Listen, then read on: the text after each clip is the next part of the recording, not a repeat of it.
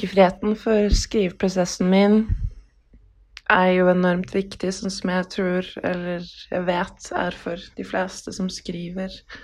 Um, overføringen av tanker til tekst føles som et stort privilegium i et uh, skandinavisk land. Et vestlig land, i hvert fall.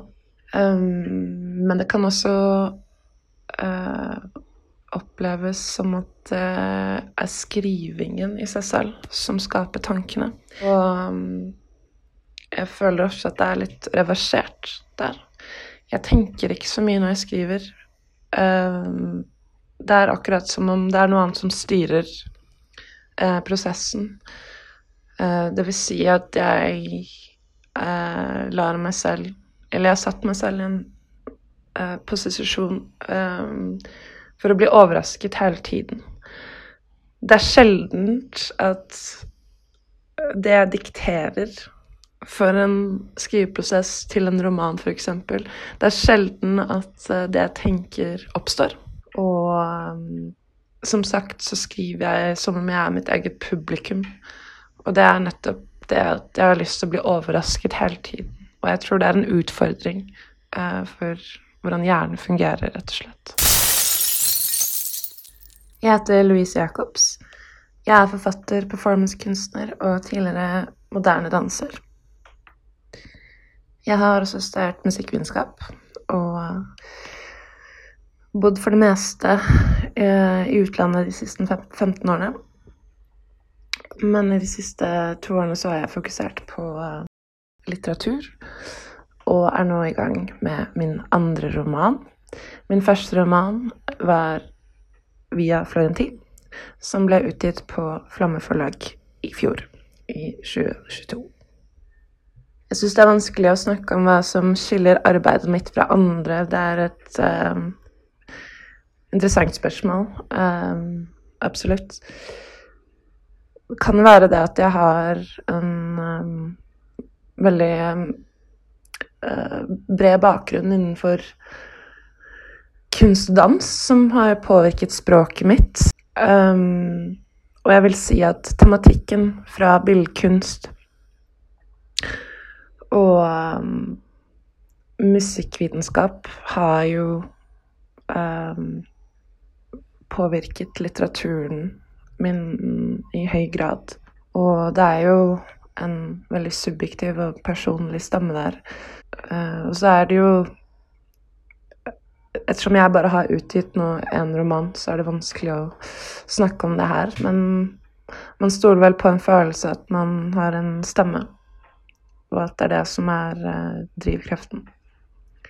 Det å forbedre stemmen sin, det å utvide stemmen sin, men fortsatt ha noe som er ditt eget. Jeg henter inspirasjonen min eh, ofte fra enkeltsetninger uh, som oppstår fra tanker. Um, om relasjoner.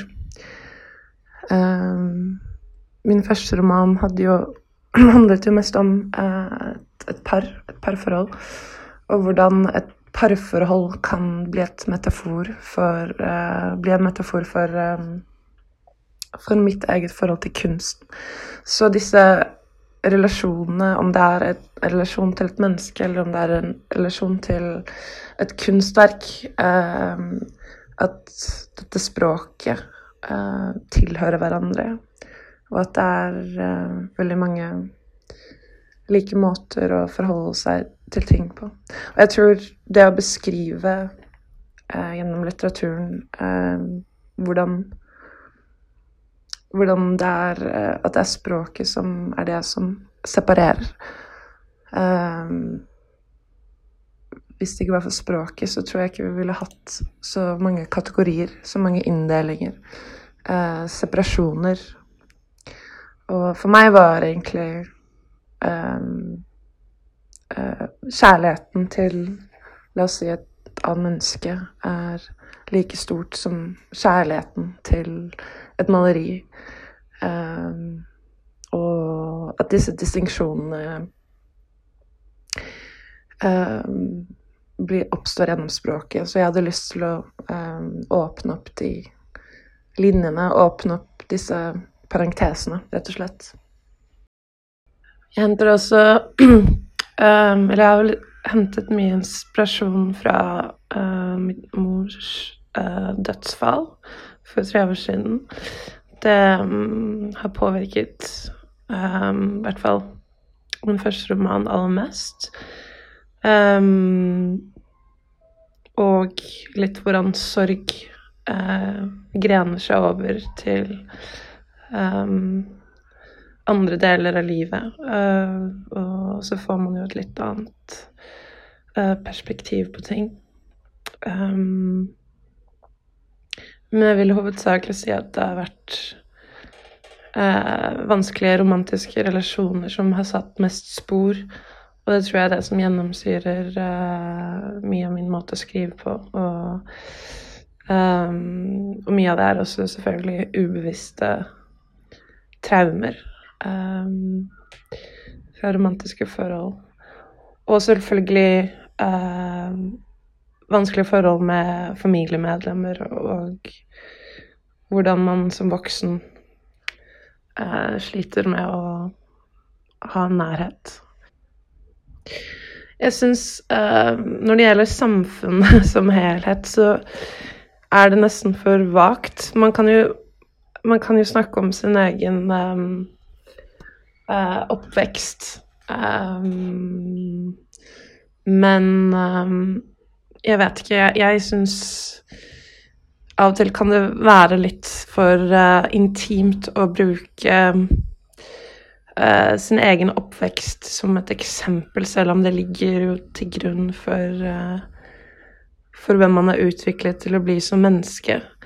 Men um, jeg tror minner om samfunnet som man begynte å lære under oppveksten, har jo satt en del spor. Det å vokse opp på østkanten eh, i Oslo på 80-tallet, f.eks. Det å ha en veldig sosial, demokratisk mor, og um, det å på en måte sove i køyeseng med min mor helt til jeg ble 14. Så um, det er jo litt sånn mikro-makro-standpunkt der. Jeg um, kan vel egentlig uh, se mer av hvordan samfunnet eh, påvirket min, mine foreldre, altså generasjonen før.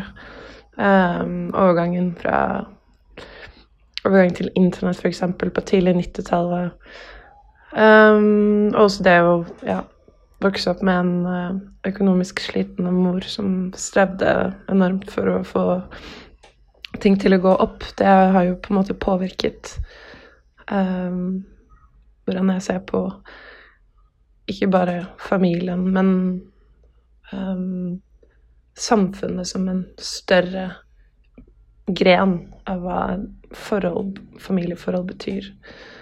Um, jeg tror absolutt det å vokse opp i, i Oslo um, og i Norge som sådan har uh, gjort det mer mulig å, å, jobbe som kunstner uten å ha fem jobber. Um, jeg tror uh, det å være kunstner i Norge er noe helt unikt. Um, det føles som om det norske samfunnet har lyst til å bevare og beskytte kunstnere på en helt annen måte enn det andre land i Europa f.eks. gjør. Um, men så skal man også passe seg på å si at man er privilegert. Uh, jeg syns det kan være et litt tvetydig og misvisende ord på det å være kunstner i Norge. Men um, når det er sagt, så er det um, så gjør det noe med, med, med, med følelsen av at man alltid blir tatt vare på av et samfunn, så har jo det også en del andre konsekvenser som kanskje ikke er så iøynefallende og synlige hele tiden, men at man At det er um, Det er ikke så mye å uh, stå opp mot um, i et tilsynelatende stabilt samfunn. Det påvirker jo det som kunstner også, er det trygghet? Er det Rent historiemessig så har jo ikke trygghet vært et grunnlag for å lage kunst. Um, og jeg tror at hele velferdsstaten og dets syn på kunstnere og bevaring av kunstnere, eller støtte om kunstnere, er såpass en ny tendens at vi har ikke sett um, synlige uh, konsekvenser av det ennå. Når det gjelder press på arbeidet mitt som uh, kommer fra samfunnet, så er det jo noe jeg har oppsøkt. Så når man oppsøker eh, et maktforhold, når man oppsøker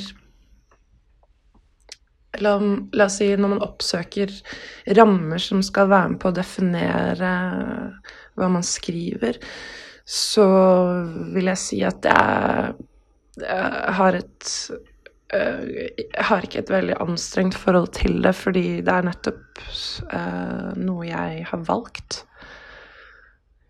Og um, det er vel det eneste jeg kan si rundt det, er vel det at det er vel et press på å være relevant. Det tema tematiske, at det må ha en eller annen sånn At det må være noe nytt. Så det er kanskje det som kanskje er mest stressende.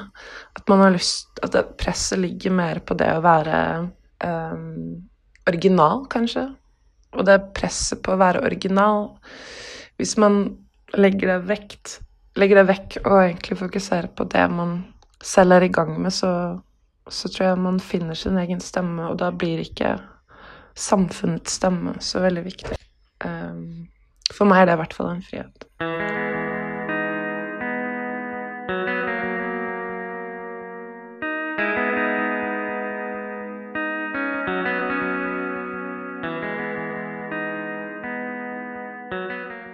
Han likte ideen om å danse til Nick Drake på ketamin og jakte som Robert De Niro hjortejegeren.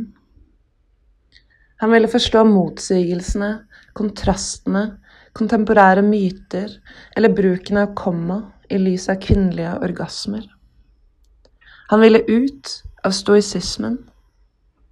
Han ville kvitte seg med nostalgisk elektronikk. Han ville gå barbent til flyplasser og haike med Tesla-biler tilbake til byen. Han ville bli smurt inn med leire fra Dødehavet. Han ville lære seg fiolin en gang for alle og spille på et kott i Budapest. Han skulle ønske at han kunne bli et radikalt annet menneske på søndager. At han kunne slåss mer med fremmede på barer. Han ville helst være åpen for sine nærmeste om sin fascinasjon for det sveitsiske innslaget i Eurovision fra i fjor. Han skulle ønske at han likte teater og risengrynsgrøt. Han ville skrike til de små hullene i veggen der skruer og spikere hadde levd med en stille funksjon. Han skulle ønske at han kunne stille ut verkene sine uten strategiske undertoner. Han ville skrive tekster til et album som varte i 18 minutter. Han ønsket seg et rom dekorert med freskomalerier. Han ville bli mer skolert i Kamasutra og finne ut av hele nytelsesgreia. Han ville bli gjenfødt som et barn ved seinen over en treretters lunsj med økologisk chardonnay på tåteflaske. Han ville gi duene i parken farget mat etter han hadde hørt at jeg ville gi fjærene og vingeslagene en palett. Det var det noen som allerede hadde gjort, fant han ut, sånn type på 70-tallet i New York. Han ville starte et kor med 90 år gamle damer som øvde i en garasje ved vannet.